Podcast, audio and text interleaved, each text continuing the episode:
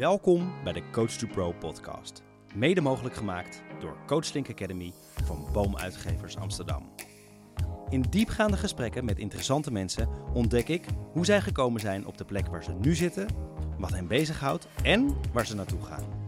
In gesprek met deze zogenaamde Chiefs of Life onderzoek ik hun belangrijkste levenslessen. Lessen waar jij mee verder kunt. Want wat zijn nou die geheimen van succes? Leuk dat je luistert naar de Coach to Pro podcast. De podcast waarmee jij kunt ontdekken hoe je ook in jouw leven meer plezier, succes en geluk kunt ervaren. Vandaag is mijn gast Marijke Linksma, pionier op het gebied van teamcoaching.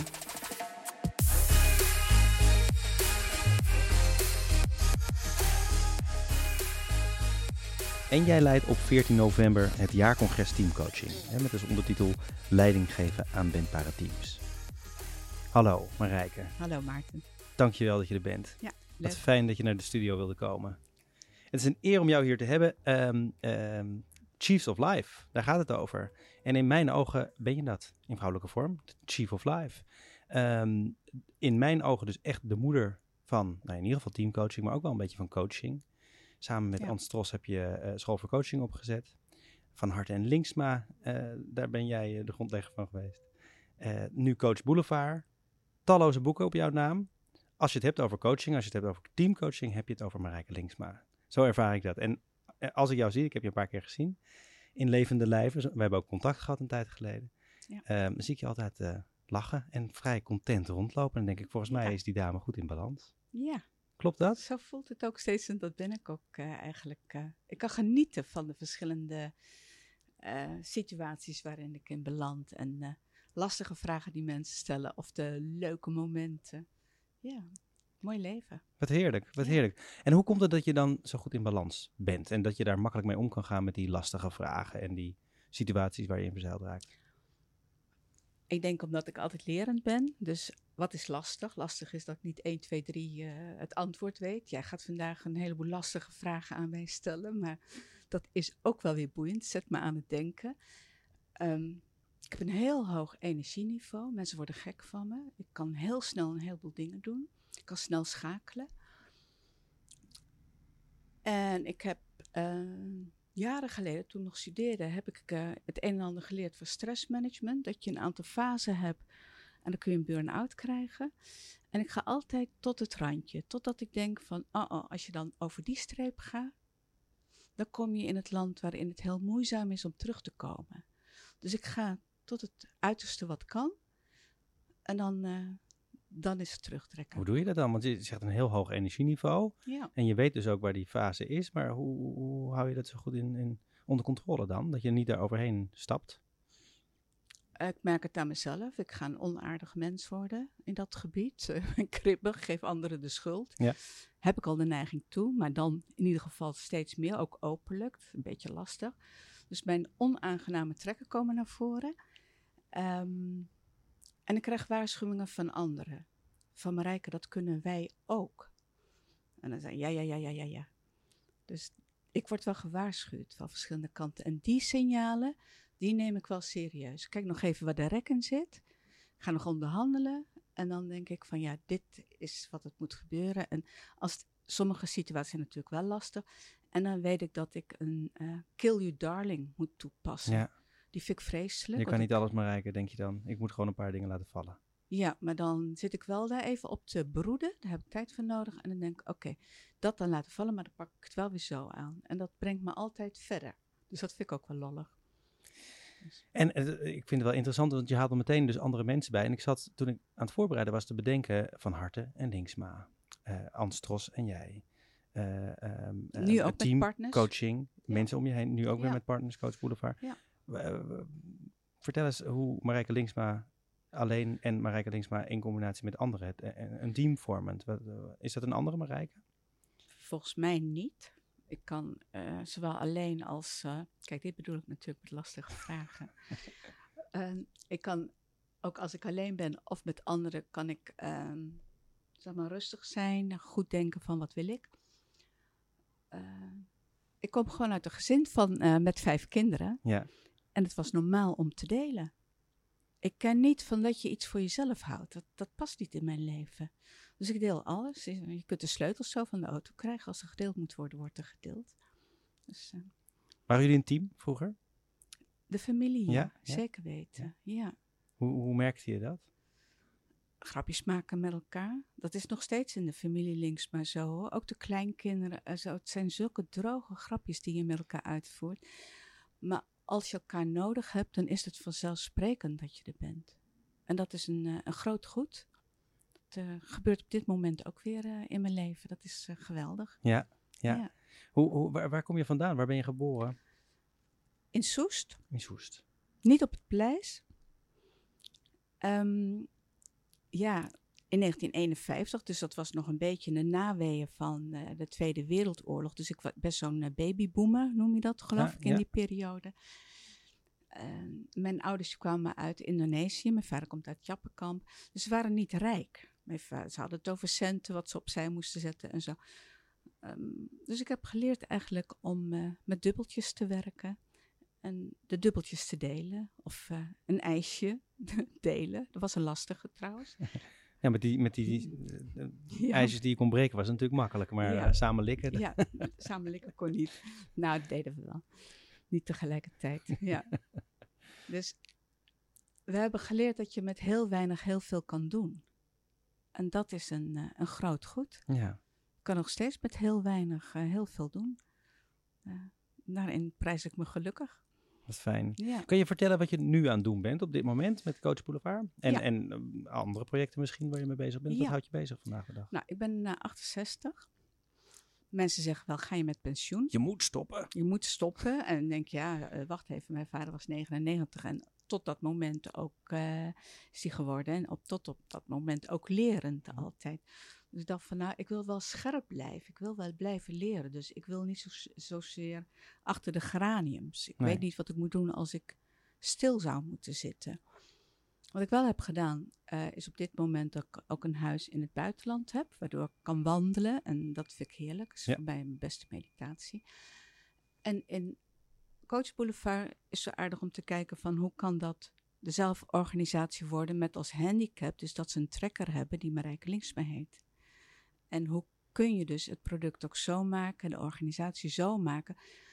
Mijn grootste wens nu is dat ik achteraan de rij kan aansluiten. Dat vind ik geweldig. Is een klein karretje, iedereen eh, voor me. Dat zou ik geweldig vinden. Ja, wat maakt dat mooi voor jou?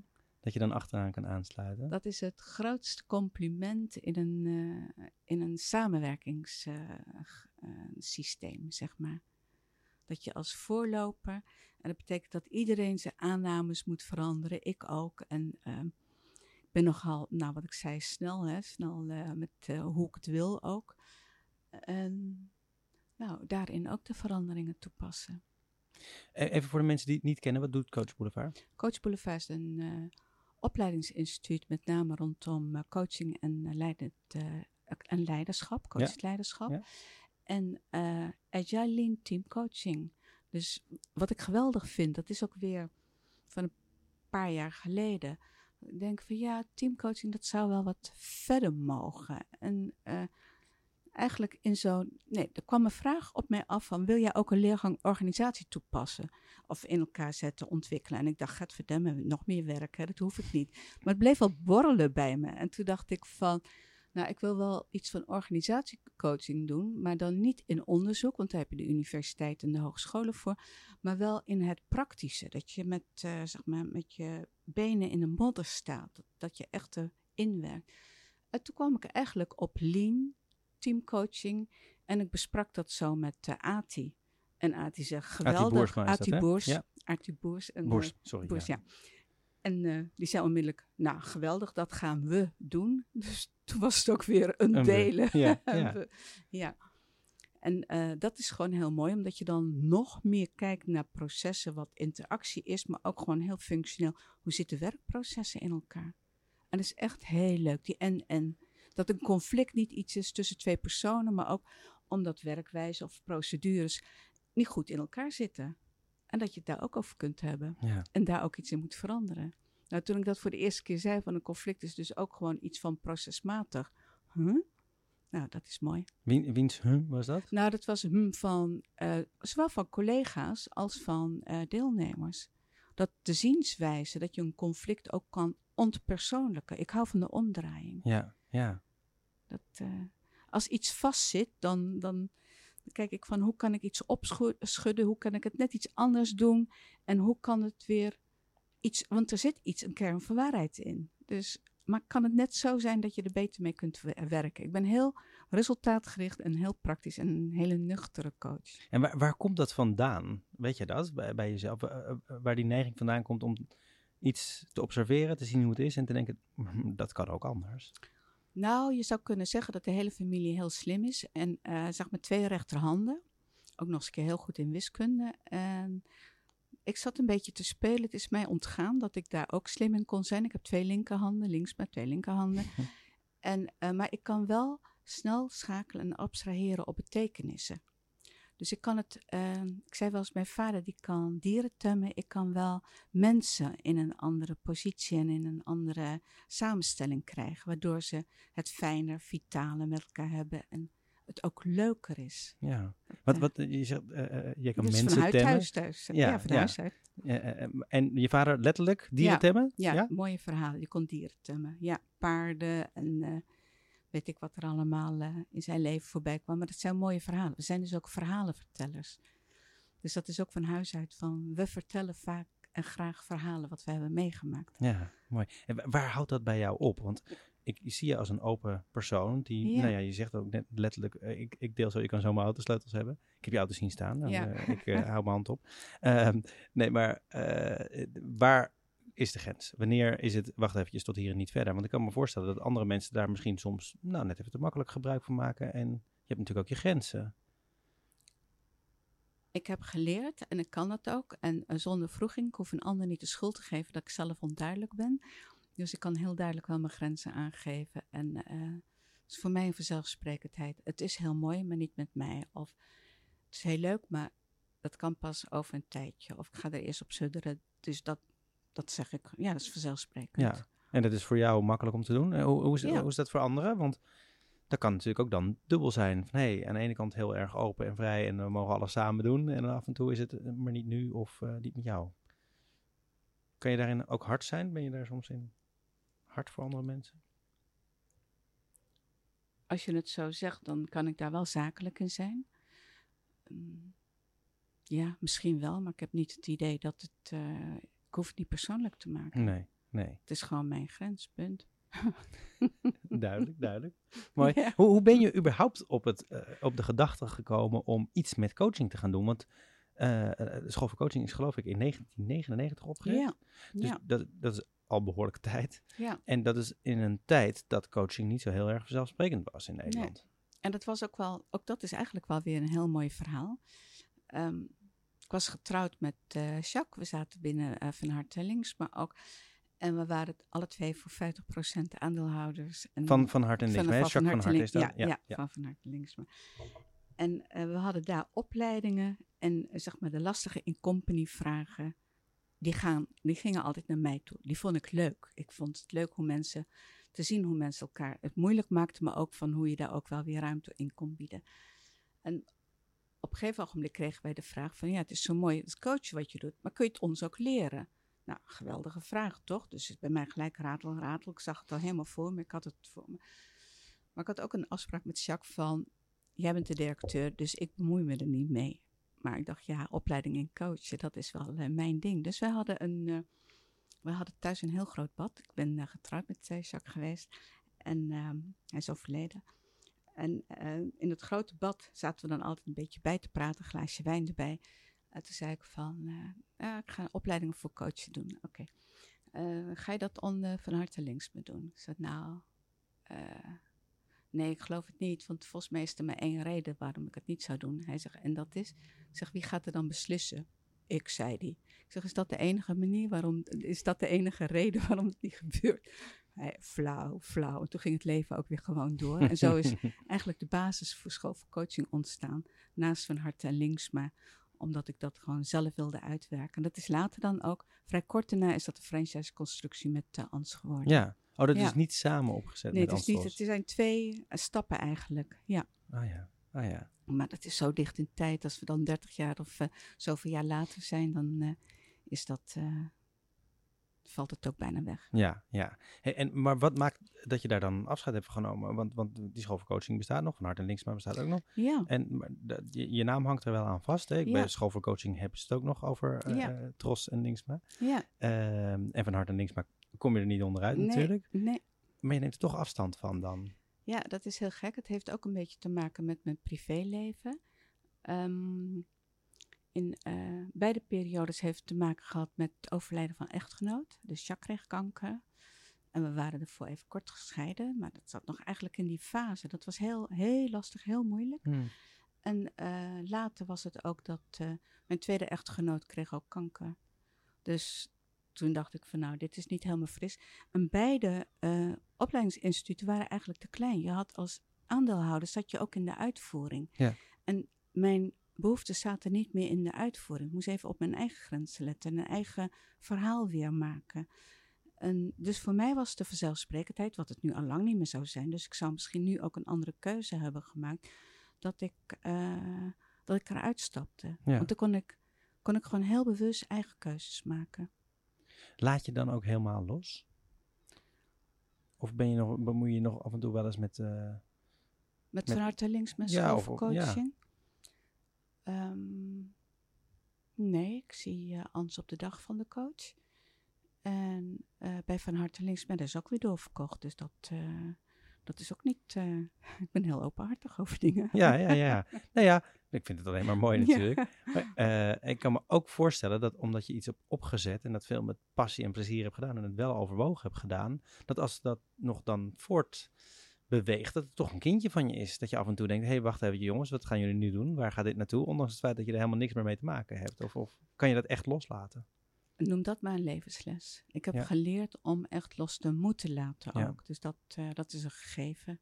Een levensles, zeg je? Ja, dat is wel een levensles. Want je, kunt, je hebt een keuze. Ga je voor een betreurd verleden? Of voor dingen die niet goed zijn gegaan? Of dat je dan achteraf denkt van het had een andere keuze kunnen zijn?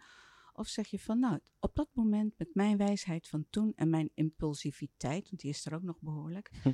En met mijn, eh, ja, impulsiviteit is wel, ik wou zeggen driftigheid, maar die impulsiviteit is eigenlijk wel het grootste. Heb ik die keuze gemaakt. En die past op dat moment het beste, dus klaar. Ja. En dan gaat het leven weer door. Ja, Dus dan kan het wel eens borrelen of fantaseren of wat dan ook. Maar ik heb de keuze gemaakt dat ik niet... eh, ik wil geen rimpels krijgen over een betreurd verleden Nee. of overstappen. Ik heb ook genoeg andere stappen gemaakt in impulsiviteit. En er is goud uit voortgekomen. En ook weer dat je dacht, nou, links, nou. laat maar weer gaan. Laat maar weer gaan. Ja, ja. Heb je, heb je wel spijt dan van keuzes die je maakt? Dat is een hele lastige vraag, omdat ik niet eh, stil blijf staan bij eh, het had anders gekund. Sp- Nee. Spijt is dat het onherroepelijk is, dus het gaat over onherroepelijke eh, beslissingen. En dan kun je het hebben over kinderen, maar daar kun je heel lang over treuren, maar het is ook gewoon ook een mooi leven zonder kinderen. Je kunt het hebben over uitspra andere uitspraken of beslissingen van wel of niet stoppen met een organisatie. Maar ik heb het gedaan en ik hoef geen spijt te hebben hoe ik op dat moment was. Nee, dat is dat betreurd verleden wat je eigenlijk dus niet Ja, wil. Nee, nee. dat is de reden ook dat ik het vroeg. Hè, Ja. Omdat je dat zo zegt, dat ik denk, oké. Nee, maar betekent dat dan ook niet dat je af en toe denkt, "Urgh, had ik maar. nee, heb ik niet. Nee, Nee, niet.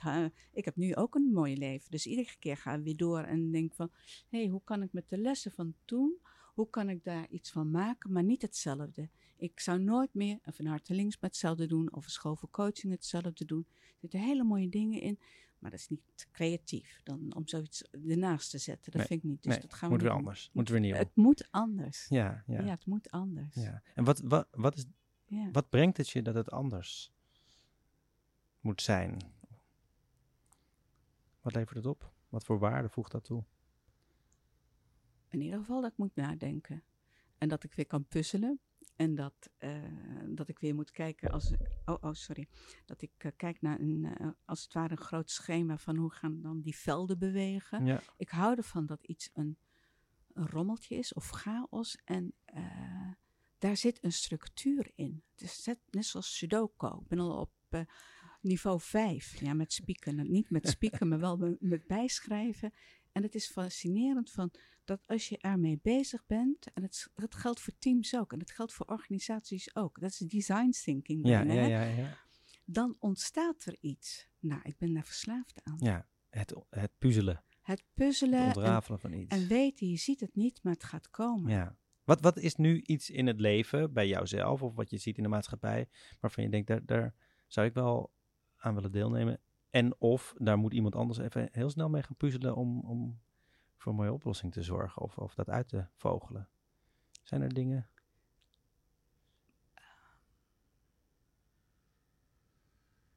Ook weer zo'n ehm, grote vraag.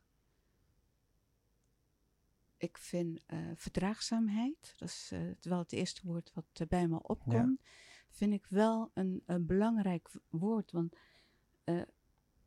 wat ik net al zei, van ik ben wel heel, ik kan heel makkelijk een ander de schuld geven. Zo ben ik ook wel eens misgelopen in een casino. Dat ik zei, dat is mijn fiche, bleek van niet, moest ik uit het casino. maar we geven elkaar zo snel de schuld omdat we het zo graag anders willen. En dat motiveert niet. Nee. Dus dat zou ik wel een, zelf een onsje meer willen hebben, maar ook eh, anderen dat gunnen. En uh, toekennen van hoe kunnen we die verdraagzaam... e- e- Even die time-out. Even, even tot rust komen, kopje thee drinken van wat is het nou? Ik zou het op een andere manier kunnen oplossen. Ja. Waar, waar gaat het wel goed? Waar zie je dat nu gebeuren? Wat, wat zijn dan voorbeelden waarvan je denkt, hé, hey, maar kijk, het kan dus wel. Wat ik ehm, heel leuk vind, is dat er een heleboel burgerinitiatieven zijn. Ja, ja. En eh, net zoals in dit pand, hoe jullie hier zitten, dat is geweldig. Er zit een energie in, terwijl, eh, ik bedoel, het is, eh, het is niet een, hoe noem je dat, een gestructureerd, eh, conventioneel pand. Nee, dat was het wel. Hè? Dit is een oud. PTT-gebouw waar de mensen hier met z'n vieren in één zo'n kamertje zaten. Ja, maar het is wel bedwongen. Het is, eh, ik hou van Ja, oude mooi, huizen en ik hou van. en soms heeft het een karakter door de geschiedenis heen dat je denkt, het zit een beetje vast. En dan moet je soms een muur verven, of je moet het een andere kleur geven, of je moet net een andere tuin erbij maken. Dat er een verrassingseffect zit en dat iets weer tot rust komt. Dus je Ja. hebt het ook eigenlijk met materie. Mooi is dat. Ja, Dus dat verrassende, eh, en dat maakt het ook interessant. Het anders Ja. maken, dat, het opvalt. dat we ons kunnen verwonderen over dingen. Dat, eh, dat vind ik wel mooi. Ik zoek eigenlijk steeds. Ik, ja, nou nee, ik zoek het niet steeds op. Maar ik kan in mijn handjes klappen als ik weer iets meemaak dat ik denk van, oh, hier verwonder ik me over. Ja. Ja, Hoe dat is. Ik ga over een maand ga ik parachute springen. Staat nog op mijn bucketlist. Met een meisje van 18. Vind ik geweldig. ja. Dan hoe we dan uit dat vliegtuig, zonder dat ze je handjes en je vingers afhakken, omdat je denkt van eh, impulsief, impulsief, en dan, dan ga je. En dat is mooi. Dat is echt heel mooi. En hoe kom je aan een meisje van 18 die met jou gaat eh parachute springen? Nou, omdat ze zelf niet kon betalen en dacht van ik vraag Marijke en dan betaalt zij voor twee. Oh, mooi. Nou, dat ze heeft helemaal gedaan. gelijk. Ja, ja. En mooi dat je dat gaat doen ook. Ja. Wat geeft dat jou? Wat, wat is, eh, dat is iets nieuws voor jou? Ja, is nieuws. En ehm, het is iets van een levenselixer, hè? dat je toch af en toe die grenzen moet opzoeken. En ik ben helemaal geen avonturier hoor, dus ik ben helemaal niet dat ik eh, eh, gelijk eh, eerste rij staat om de avonturier van... maar wel die verwondering, wat is het dan? Ja, Dat Ja. wil ik wel even meemaken. Maar ik weet van tevoren, heb ik waarschijnlijk wel uitgeteld, dat duurt 10 seconden en dan sta je weer op de bodem. Wa- Wat mij wel verbaasde net, dat jij zei, ehm, eh, dit staat ook nog op mijn bucketlist. Terwijl eh, je overkomt als iemand die gewoon het leven neemt en alles wat op het pad komt en af en toe een sturing geeft, maar niet... een- ja, ik had een, het verbaast mij een beetje dat jij een bucketlist hebt. Heb je een, eh, is het lange? Er staan nog heel veel dingen op. Nee, want twee worden binnenkort. Dat is parachutespringen en eh, de, de rode woestijnen van Namibië. Die wil ik nog heel graag zeg maar als een land zien. Ik ben vaak geïnteresseerd ook in landen. Ja. En voor de rest gaat het ook over plekken waar ik stil kan zitten en naar de ondergaande zon kan kijken. Ja, die staan ook op je bucketlist. Ja, en die zijn ook al werk in uitvoering. Ja, wanneer, Ja. wanneer heb je die bucketlist eh, gemaakt? ik heb niet een bucketlist op een gegeven ogenblik geraakt. Ik kan heel makkelijk mijn hele leven werken. Er komt veel op me af. Ik vind, ik heb grote ogen, letterlijk en figuurlijk. Kan heel snel kan ik iets ontwikkelen. Ik vind het geweldig om dat gesprek met anderen aan te doen. En voordat ik het weet, ben je daar gewoon 7 keer 24 uur mee bezig. En dat wil ik niet. Nee. Dan kom ik straks bij Petrus. Ik denk nog wel dat ik in de hemel kom. En dan zegt hij, wat heb je gedaan, joh? En dan zeg ik, ja, dat en dat en dat. Zegt hij, nou, gaan we terug. Ik wil wel Ga nog een beetje genieten van het leven. Dat is ook niet erg dan, toch? Dan mag je nog eventjes eh, wat ja, langer door. precies. Ja. Ik wil het liefst in het vagevuur komen. Dat, dat had ik vroeger al. Dat spelen de mensen. Hemel lijkt me zo saai. Dus eh, Ja, Ja. maar je zegt net wel, een grote kans toch wel dat ik in de hemel kom. Ben je goed bezig? ja, Dat was wel eventjes een overdenking. nou ja, ik heb natuurlijk ook mijn karaktertrekken. Maar die kan ik nog wel als kleine zonnetjes wegdoen. Ik ben niet meer zo katholiek hoor, maar ik kan wel die beeldspraak gebruiken. Ja. Jawel, denk het wel. Ik kan goed delen en ik ben goed eh, voor anderen, voor mezelf. Dat, eh, dus als dat niet zo mocht zijn, dan ga ik echt in discussie met Petrus. Flauwekul natuurlijk. Ja, gaan we even coachen daar. Ja. Ga er even coachen. Wat maakt nou... Weg jij. Ja. Eventjes, ik wil nog een klein stapje terug. Een vraag die, ehm, waar we net eventjes in mijn optiek vrij snel overheen gingen. Dat begin van coaching. Want je vertelde dat je bij Van Hart en Links maar eigenlijk al aan bezig was met coaching. Ja. Maar hoe kwam dat op je pad? Want dat was toen echt heel erg nieuw. Dat was dus nog voor, voor eh, 99. Ja. Ehm, hoe, hoe ben je er zelf mee in aanraking gekomen? Wat heeft gemaakt dat jij een, een pad Ja. bent gaan volgen waarbij je mensen bent gaan coachen? Voor mij is het vanzelfsprekend. Ik heb het daarvoor ook met ehm, kinderen gedaan. Hoe deed je dat? Nou, ik had eh, onderwijs, ik had eh, gewoon stageplaatsen. En ehm, ik was denk ik zelf niet zo handig en slim enzovoort. Dus ik had er wel belang bij dat de kinderen ermee aan de gang gingen. En ik hield toen ook al van dat kinderen meer zagen dan alleen het leslokaal. Ik weet nog wel dat ik op een metielschool deed stage. En ik zijn kinderen die ook lichamelijk gehandicapt zijn. Dat een juf tegen een meisje op, die, die lag op zo'n ehm, eh, bank. Dat ze, als je zo vervelend bent, ga je zo de deur uit. Ga je de gang op. Ik denk zo, op een, op een bank of op een bed. Ik ben benieuwd. Het kind bleef vervelend doen, want die dacht ook van, ik ben benieuwd of je dat doet. En die juf zei, ik heb je gewaarschuwd, truitje. En al die andere kinderen in karretjes en zo, allemaal opzij. En het bed werd er gedaan. En de juf zei van, eh, bed buiten gezet, vijf minuten. Maar ze hield de tijd heel goed in de gaten. En eh, vijf minuten aan. Waarvoor vertel ik dit verhaal? Ja. Nou, dat is ook van dat ik zag van hoe je kinderen kunt begeleiden. Hoe je anderen kunt begeleiden. En Op een andere manier dan werd op gedaan. een andere manier dan eh, gewoon ook wel in actie. En dat had ik ook met. eh, ik, wa ik was altijd nieuwsgierig. Ik snapte niet in open opleidingen waarom bijvoorbeeld mensen van de papierfabriek zo weinig vorderingen maakten. En dan ging ik mezelf uitnodigen op die papierfabriek. Dat is geweldig. Ik wist niet wat ik zag. Er waren echt twee hele grote machines. Die waren een paar miljoen. Was in die tijd volgens mij veel. En dan had je dus ook een directeursruimte. Hè, die helemaal van de zware sigaren, dat rook helemaal. Maar die hal, die had maar één ruimte die geluidsdicht was. En voor de rest zaten ze dus eh, met koptelefoons op. En in die ruimte was ook de koffieruimte. Dus ze konden niet overleggen, want daar zaten de anderen ook bij. Nou, dat zie je pas als je daar bent. En dan kun je weer kijken van hoe wel. Ik ben wel het type van hoe wel. Als mensen zeggen dit kan niet, denk ik, dacht het wel. Wat was de eerste aanraking die je had met dat coachen dan? En- dat je besloot om het, om, om- het echt zelf te doen en, en er betaald voor te worden. Ja, dat was bij. eh, ik had met Ans voor van Hartelings, of naast van Hartelings, maar hadden we ook een FOF. Dus daar deden we wat die in company. Wat ik al zei, de lastige vragen. Ja. Dat kon ook zijn een OK-kamer. Afdeling, werd door het hoofd ehm, eh, operatiekamer werd ik eh, gevraagd. En dan was de hoofdchirurgie en de hoofdanesthesie, die spraken niet met elkaar. Ik zei, nou, hoeveel doden zijn er gevallen? Het lijkt me nogal essentieel dat ze wel met elkaar praten. Geen doden. Ik zeg, dat vind ik knap. Niet praten, geen doden, knap. Hoe gebeurt dat? Dus ik had toen al van, ik snap de logica niet, maar er moet de logica in zitten. En nou, zo is eigenlijk het eh, begonnen. Maar je werd niet voor niks gevraagd bij dat ziekenhuis dan. Nee, omdat wat, ik wat wel... hadden jullie bedacht van we gaan een VOF beginnen en dan gaan we mensen helpen met lastige vragen? Ik denk dat zowel Jacques als ik eh, wel bekend stonden van wij konden nogal ruzie maken. Twee eigenwijze mensen, dan 50% dus je moest het de ander wel duidelijk maken. en, eh, maar we bleven wel we werden er ook steeds zeg maar, beter op van onze eh, conflicten. We waren daar niet bang voor. En dat zagen ze zowel ook in de open opleidingen. Dan werden we ook weer gevraagd bij de incompanies van hoe doe je dat dan? Ja. En hoe doe je dat dan? Kun je dat zo... Luisteren en gewoon grens stellen. En dat is eigenlijk gewoon, vind ik, eh, de dingen uitspreken. Ik vind het op de zaak makkelijker dan privé hoor. Ja. Ik heb het, ben het wel geleerd. Vroeger dacht ik van als je ruzie hebt, dan maak je het ook gelijk uit. En ik heb geleerd, weer van mijn zus, dat je gewoon ruzie kunt maken en dat je niet de relatie uit hoeft te maken. Nou, een hele stap voor mij. Dat heeft Ja. je zus jou geleerd? Ja, dat heeft Ja? mijn zus mij geleerd, ja.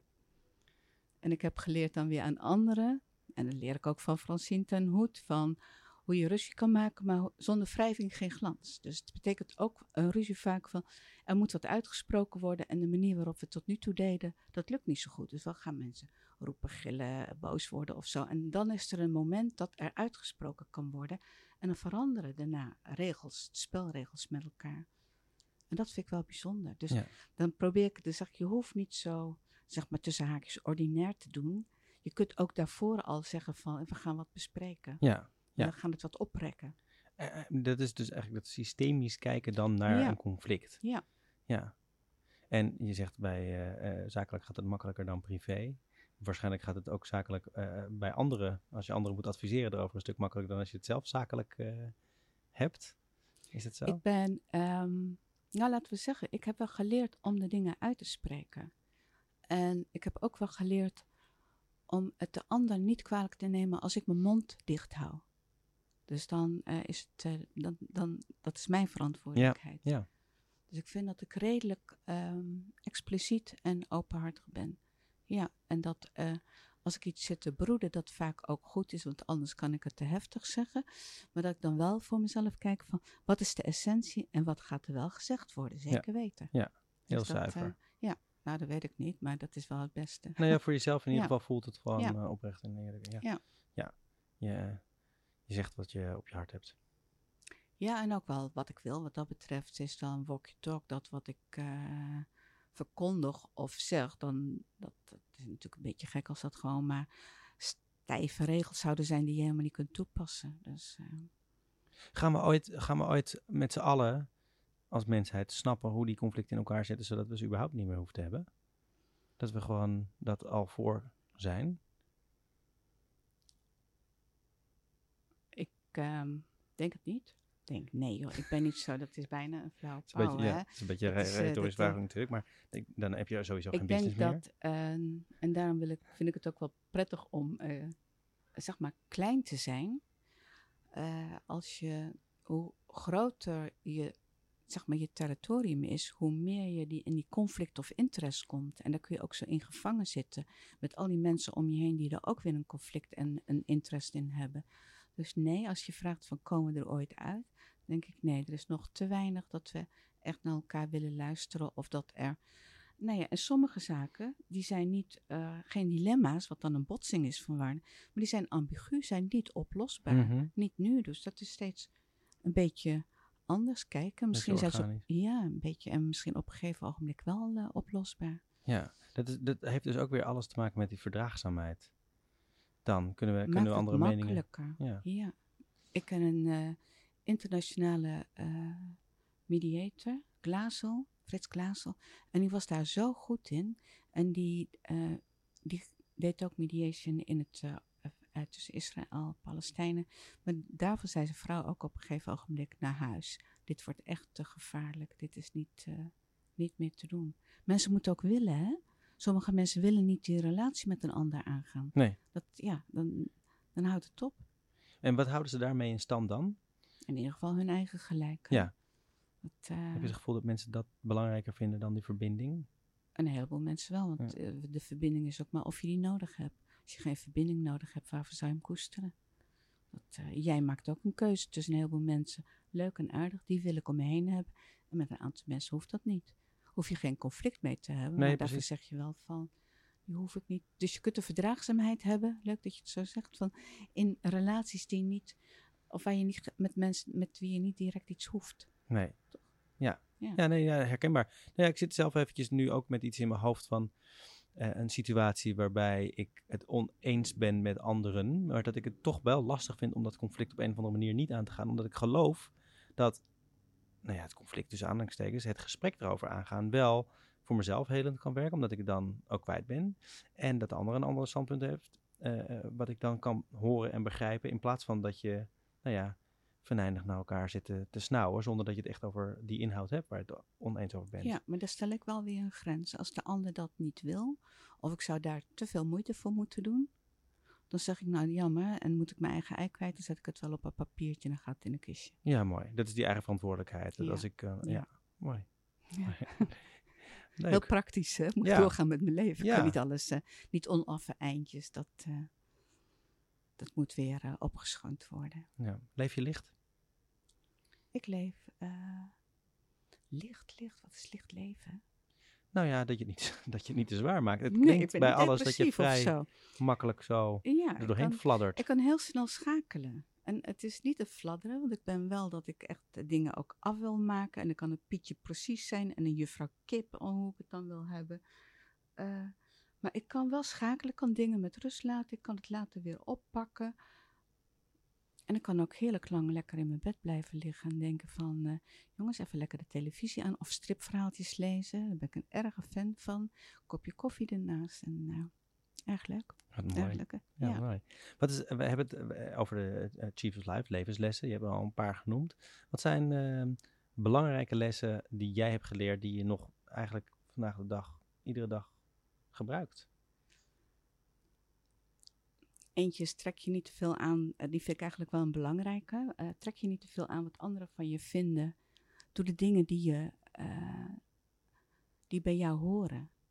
Als ik had opgevolgd, alle, zelfs gisteren nog, van dat mensen me waarschuwen, dat moet je niet doen. En dan denk ik, ja, dat moet ik niet doen, je hebt helemaal gelijk. En ik doe het toch.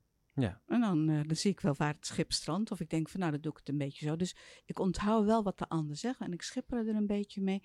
Maar als mijn drang is van ik ga het toch uh, vormgeven, nou dan gebeurt dat dan gewoon. laat je niet te veel beïnvloeden. Nee. Wanneer, wanneer, heb je die les geleerd? Eh, Als in, wanneer heb je dat dus ja. waarschijnlijk wel gedaan? Wanneer ben je wel meegegaan met anderen en dacht je achteraf? Nou, Hier had ik dus wel voor ja. mezelf moeten kiezen. Ik heb in ieder geval op een uh, nonnenmulo gezeten. En dan werd je dus heel strak gehouden. Je mocht niet naar buiten kijken. Je mocht dit niet doen. Je mocht dat niet doen. en ik woon dus nu heel mooi in Utrecht met uitzicht op de Dom. En ik Ja. kan echt dromen, wegdromen. Dat mocht vroeger niet. Nee, dat vertelde je al eventjes. Hè? Dat- Ja. Dan krijg je dan ook straf? Dat ja, je, ja, als je ja. buiten Ik heb twee jaar heb ik op een huiswerkcursus gezeten. Ik kan dus echt leren. Ik kan echt dingen doen. Er kan een bom naast me eh, neervallen. Ik hoor het niet. Er kunnen 32 kinderen in de klas kunnen heel vervelend zijn. Ik kan heel stoïcijnse dingen doen die eh, gedaan moeten worden. Heel gefocust. Ja, ik kan heel gefocust. Totdat er iets tot me doordringt en dan eh, gaat er ook gelijk maatregelen gebeuren. Nog, nog even Ja. terug waar je die les dan hebt geleerd. Was Ja. dat in het non ik denk dat ik het. en ik ben. ik weet niet. Ik heb er nu niet zo op gelet. Ik heb een vorm van dyslexie. Volgens mij niet al te zwaar. Ik kan de DT's wel goed eh, vinden. Maar ik barabbel. Dus als ik heel snel ga praten, dan haal ik woorden door elkaar in de zin. Dus ik kan ergens staan bij een ijskoolwinkel en dan zeg ik: eh, Je moet zeggen een ijsje van een kwartje. En ik zeg dan: Een kwartje van een ijsje. En dan begint iedereen te lachen. En je gaat met een heel klein en- ijsje de deur uit. ja, dat moet een heel klein. En dan denk ik, en ha ha ha ha. Dus ik hoor heel vaak ha ha ha ha. En dan denk ik, nou, ik vind het helemaal niet ha ha ha ha. Want je hebt wel door dan wat je... eh, ja, ik weet het tussen niet. Want iedereen kijkt naar mij, Ja. dus ik weet dat ik iets verkeerds heb gedaan. Maar wat weet ik niet. Nee. Maar ik heb genoeg van die domme omdraaiingen. Dus ik heb omdraaiingen, heb ik mijn kracht gemaakt. hè. Dus in het werk is het mijn kracht dat ik dingen kan omdraaien. En in het dagelijks leven, vroeger was het dus een onmacht. Ik had het niet in de gaten en ik werd ervoor uitgelachen. En op een gegeven ogenblik dacht ik, eh, als ik het eh, oneerbiedig mag zeggen, fuck de duk. En eh, ik ga gewoon mijn eigen gang. Ja. ja. En, eh, Het omdenken heb jij gewoon eigenlijk bedacht een beetje. nou, alle eer aan degene die daar ook anders over heeft geschreven hoor. Oké. Ehm, ik, jij, jij vertelde, eh, bij de, ik had jou eh, vorige week eventjes, eh, of een, een tijd geleden gesproken over deze podcast. En zei ik, het gaat over die lessen van het leven. Ja. En toen zei je, daar, daar moet ik eens even over nadenken. En ehm, toen we hier binnenkwamen, zei ik, ik vond het wel een leuke exercitie ook om eens na te denken over al die lessen. En daarin noemde je de lessen van je vader. En die heb je net ook al even Ja, genoemd. Waar is je moeder? Ja, ik wou net zeggen, ik heb mijn moeder nog helemaal niet genoemd. mijn moeder was er ook. Ja, ik heb hele fijne ouders gehad die ook heel oud werden, 93 en 99. Dus ik denk, nou, ik heb beide genen, dus ik word 96 en ik ga er helemaal voor. Ik vind het helemaal geweldig. En bijna helder tot het laatste moment. Dus ik heb het ondernemerschap van mijn moeder. Ja? Ja, ik heb echt het ondernemerschap van mijn moeder en de verhalen van mijn vader.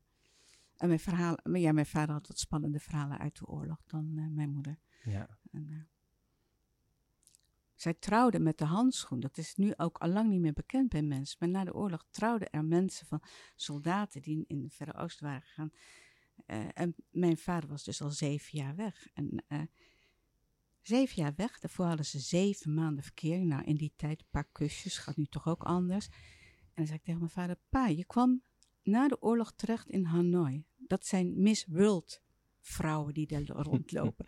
Hoe kan het zijn dat je na zeven, bijna acht jaar met moeders gaat trouwen? Heb je dat gevraagd na het overlijden van je moeder? Of, nee, uh, daarvoor. Nee, daarvoor. Mijn moeder zit er ook gewoon naast. Dat zijn ook...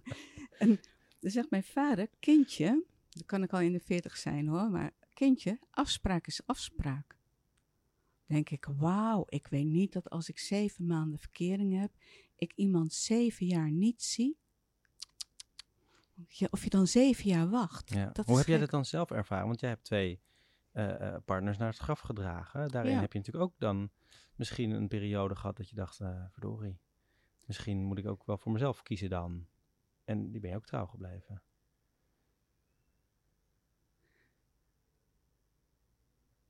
Ik heb in uh, beide, ook in de begeleiding van in, het, in het stervingsproces, ben ik ook wel mezelf gebleven. Ik bedoel, Rien kon hartstikke ziek zijn, maar ik heb wel tegen hem gezegd van, even in de gaten houden, hè makker. Ik ben vrijwillig blijf bij je, ik blijf vrijwillig bij je, maar je moet het niet te bond maken. En dan zegt hij, ik ben ziek. Ik zeg, ja, en ik word er ziek van. We zullen toch een beetje moeten middelen. Dus, Mooi. dat, ja, dus ook. direct, ja, direct ja, dan weet je wel hoe je erin zit ook. Ja, maar de andere, ja. Wel fair. Ja. Heel fair. Dus er zijn wel wat eh, van lessen van afspraak is afspraak die ik Ja. wel belangrijk vind. En ja, langzamerhand kwam ik dus bij waar komt dat nou vandaan dat ik dat zo belangrijk vind. En eh, ja, en een mooie les vind ik ook wel dat mijn vader toen de tijd zei, toen ik ondernemer werd, mijn hele familie is niet ondernemend. Mijn moeder komt uit een ondernemingsnest van ah, timmermans en schilders en zo. Mijn vader niet.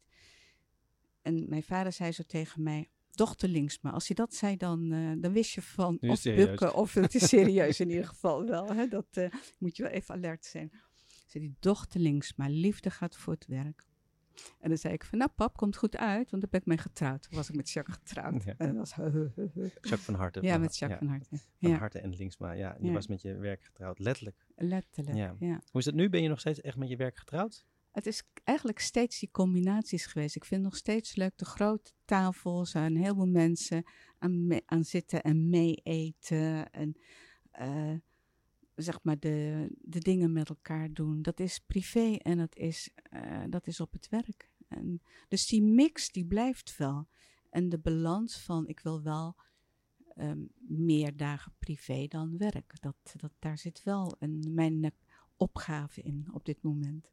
Meer privé. Meer privé, Meer tijd. springen uit vliegtuigen. Meer, ja, of op eh, kleine kindertjes letten. Of misschien dat ik weer naar het onderwijs ga en dan aangeef dat ik denk van misschien word ik wel lees, eh, eh, lees eh, niet leesmoeder, maar lees eh, juf. Ja, je, je, je Zoiets. kijkt een beetje bij je juf. Ja, is het, juf is niet, maar wel iets.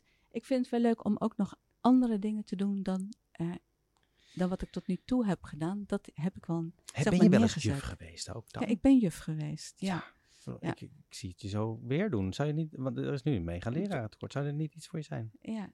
Waar toen, oppakken. waarom ik eruit ben gestapt, was eh, de, en dat is nu echt wel heel erg verbeterd, is dat het zo eh star zat. En eh, je kwam eigenlijk het lokaal niet uit. Kun je je voorstellen, een soort container, zitten al die kinderen in en jij. En dan zit je tot je 65ste in. Er zitten een paar ramen in, maar vreselijk. Ja. Dus ik, ik ben nu nog steeds eigenlijk een juf. Ik vind het nog steeds leuk om te kijken hoe, of het nou kinderen zijn of volwassenen, hoe die leren en hoe je kunt leren. En om mensen in hun kracht te zetten en ehm, Jij bent ook echt te iemand, spelen. leergierigheid is volgens mij een van jouw grootste talenten, denk ik, hè? ja, nieuwsgierigheid en verwondering. Als ik die kan houden, dan eh, Constant leren, Ja. andere mensen dingen leren. ja, dat Mooi. vind ik echt... eh, Mooi, ik vind het leuk om te horen. eh, Als je nou eh, eens terugkijkt naar die ehm, Marijke Linksma van zeg een jaar of 23. Wat is dan een les die je nu zou geven aan haar? Van joh, probeer dit te voorkomen of doe dit juist wel. Want dat heeft je uiteindelijk gebracht waar je nu bent. Ik denk dat Marijke Linksma van 23 jaar al niet meer luistert. Dat die al de keuze had gemaakt, ik ga mijn eigen pad. Dus die, Zou je het aanmoedigen? Ja, ik vind dat, eh, ja, het, het, eh, het is nu, kijkend naar nu, het is niet een betreurd verleden. Ik heb een heel rijk leven gehad. Ik heb wel trieste dingen meegemaakt, maar daarmee ook zo'n schoonheid en intimiteit die je kunt, die kunnen mensen alleen maar tegen elkaar. Je kunt zien van mensen die dat hebben meegemaakt. Die knikken, die zeggen van ja, die, die intimiteit van het hier en nu, die je maar, dat als er geen toekomst is, dat is zo, zo fascinerend en zo dierbaar. Ik bedoel, ik ga er geen mensen voor doodmaken hoor, Nee. dat, eh, dat is me te ver, maar het is wel mooi. Mooi is dat. Ik vond het een fijn gesprek met je. Voordat we afscheid gaan nemen. Ja, we- Dankjewel. het, het vliegt ook weer voorbij. Tenminste, daar heb ik het idee. Want ik zou Ja. nog eh, uren met je door kunnen Ja, praten. Ik, vind het leuk. Ehm, ik heb een klein cadeautje voor je. Eh, eh, van eh Bomen Uitgevers Amsterdam eh, eh, kies ik uit de grote boekenkast altijd een boek waarvan ik denk dat zou zomaar eens bij hem of haar kunnen passen. Dit is het boek van eh, Jos de Mul, Breng mij die horizon. Breng mij die horizon laat zien wat er gebeurt als een filosoof een ticketboek. Hij gaat op reis. Eh, gamende indianen, psychedelische cyber hippies, eh, eh, Boeddha, bots, pratende laarzen. ehm, een boek vol interessante Prachtig, filosofische ja. verhalen. En toen ik het eh, stukje las Ja. hierover, dacht ik, ik weet niet of je een reiziger bent, maar volgens mij heb je, ben Ja, je een reiziger. veel, ja. Prachtig. Oh, wat mooi. Dit past zo nu ook bij mij, hè? Filosofische reisverhalen. Ik hoorde je ook al even over de Stoïcijnen. Ja, en dat, eh, prachtig. Prachtig, dankjewel. Maar ik eh, hoop dat je er lekker van kan genieten eh, Ja. tijdens de, de, de zomer. Ehm, ik dank je hartelijk voor de komst naar de studio. Er gaat nog even een boek tegen de microfoon. Dankjewel, mijn onhandigheid. Marijke, ik wens je een hele fijne dag. Dank je. Dankjewel, Maarten. Dankjewel. Wat een openhartig gesprek met Marijke Linksma, de grand dame van coaching in Nederland. Wat mooi om haar verhalen te horen en te merken hoe zij al lerend geniet van alles wat op haar pad komt. Met jeugdige energie en verwondering blijft ze haarzelf en haar omgeving prikkelen om verder te komen. Haar lessen van het leven. Marijke is altijd lerend. Als je probeert te leren in het leven, dan worden lastige situaties boeiend. Het zet je aan het denken en juist wanneer je het antwoord niet weet op een vraag, dan kun je ontwikkelen. Zoek dus moeilijke vragen op. Zorg ervoor dat je weet wat jouw randje is. Dat je jouw energie zo inzet dat je niet in de stress belandt, maar dat je jouw energie kunt inzetten om lekker veel dingen te doen. Net tot het randje van too much. Marijke leerde dat het normaal is om te delen. Bij haar thuis was delen met anderen vanzelfsprekend. Dat zorgt voor wederkerigheid en is een groot goed. Bovendien maakt het een stuk gemakkelijker om samen te werken met anderen. Je vormt dan al snel een team met anderen om je heen waarbij je elkaar goed kunt benutten. Wil je scherp blijven, dan moet je blijven verwonderen en nieuwe dingen aangaan. Je hoeft niet direct een avonturier te zijn, maar ook kleine uitdagingen helpen. Oftewel, kleine. Marijke gaat binnenkort parachutespringen. Voor haar is dat een stretch en het houdt haar helder. Conflicten kan je het beste neutraliseren door te ontpersoonlijken. Kijk naar welke processen of systemen elkaar tegenwerken. Als je meer systemisch gaat kijken naar een conflict, dan is het makkelijker omdat je zonder emotie kunt werken aan een oplossing. Probeer zoveel mogelijk te waarderen wat er is. Marijke zegt: je kunt kiezen voor een betreurd verleden of geloven dat je met de wijsheid en kennis van toen de juiste keuze hebt gemaakt. En daar kun je dus vrede mee hebben. Dan hoef je ook geen rimpels te hebben uit het verleden. Als je spijt van iets hebt, dan is het namelijk onherroepelijk. Waardeer juist wat er wel is. Verdraagzaamheid is een groot goed. Wat Marijke betreft is het hard nodig dat we minder vaak de schuld geven aan anderen. Dat we de waarde zien van iets, ook al zouden we het anders willen. Het stimuleert niet om het oude af te serveren en om iemand anders de schuld te geven, maar juist om te proberen zaken subtiel te veranderen.